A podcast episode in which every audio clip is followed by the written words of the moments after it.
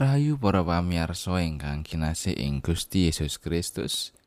Ngaturaken wilujeng pepanggihan malih wonten ing adicara menika. Renungan padintenan basa Jawi Sabda Winedar.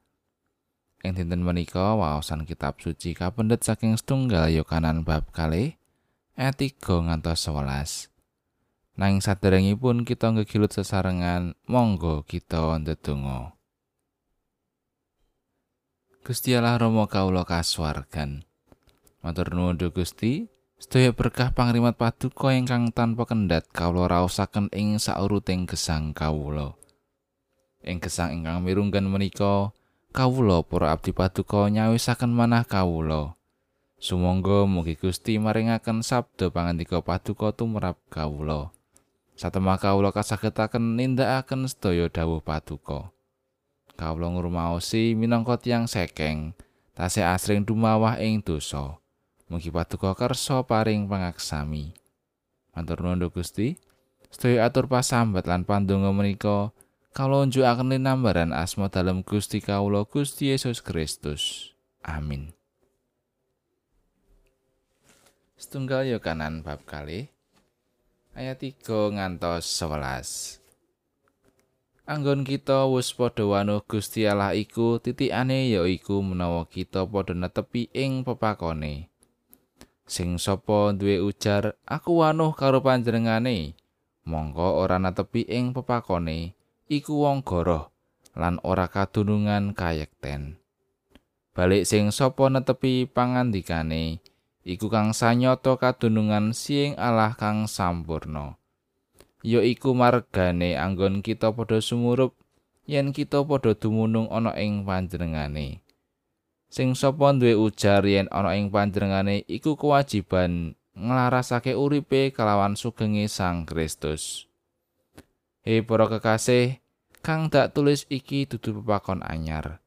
Nanging pepakon lawas kang wis ana ing kowe wiwit-wiwitan mula.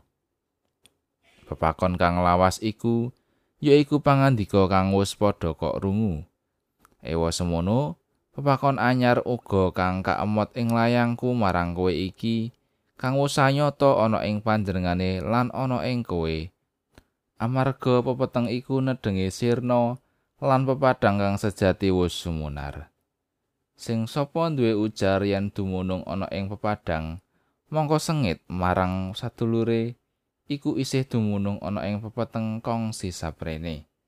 Sing sapa tresna marang sedulure iku kang lestari ana ing pepadang sarta ora kanggonan sesandungan. Balik sing sapa sengit marang sedulure iku dumunung ana ing pepeteng sarta urip ana ing pepeteng. Wong iku ora weruh menyang ngendi parane amarga mripate diwutakake dening pepeteng mau. Mangkatan pangandikanipun Gusti ayat nat saking ayat 6. Sing sapa duwe ujar yen ana ing panjenengane iku kewajiban nglarasake uripe kelawan sugenge Sang Kristus.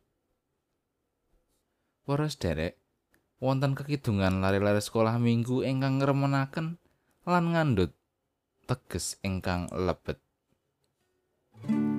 Monggo sami derek Gusti. Monggo samindere Gusti Gusti Yesus juru ilujeng monggo monggo samindere Gusti. Awit Sang Kristus dosa-dosa kita dipun apunteni gesang ingkang sampun dipun apunteni kedahipun dipun lampahi kanthi kasainan lan ingkang maedai minangka wujuding gesang anyar.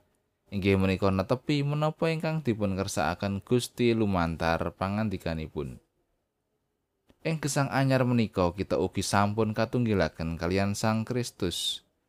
Sang Kristus dados juru wilujenging gesang kita.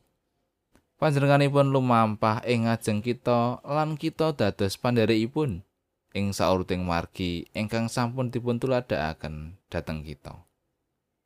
Menawi Sang Kristus nresnani kanthi pangorbanan kita ugi kedahipun nresnani kanthi pangorbanan Sang Kristus ngapunteni kita tanpa pamrih makatan ugi kita ngapunteni tanpa itung-itungan dados kewajiban kita supados gesang kita kados dene sugengipun Sang Kristus.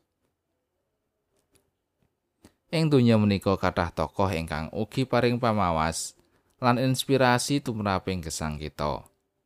Tiang menika saged setunggaling motivator, tiang ingkang kita remeni, tiang ingkang sukses, guru kita utawi mentor kita lan taksih kathah malih. Ananging saking semanten kathahipun, tiang ingkang dados pengarus ing gesang kita mestinipun Sang Kristus ingkang pinunjul lan ing urutan sepisanan. Panjenenganipun ingkang sampun nindakaken ewa-ewan ing donya menika lan milujengaken kita kita mboten kepareng nilaraken tapak lampahipun Sang Kristus. Kita kedatan sang larasaken lampah gesang kita kalian sugengipun Sang Kristus. Amin.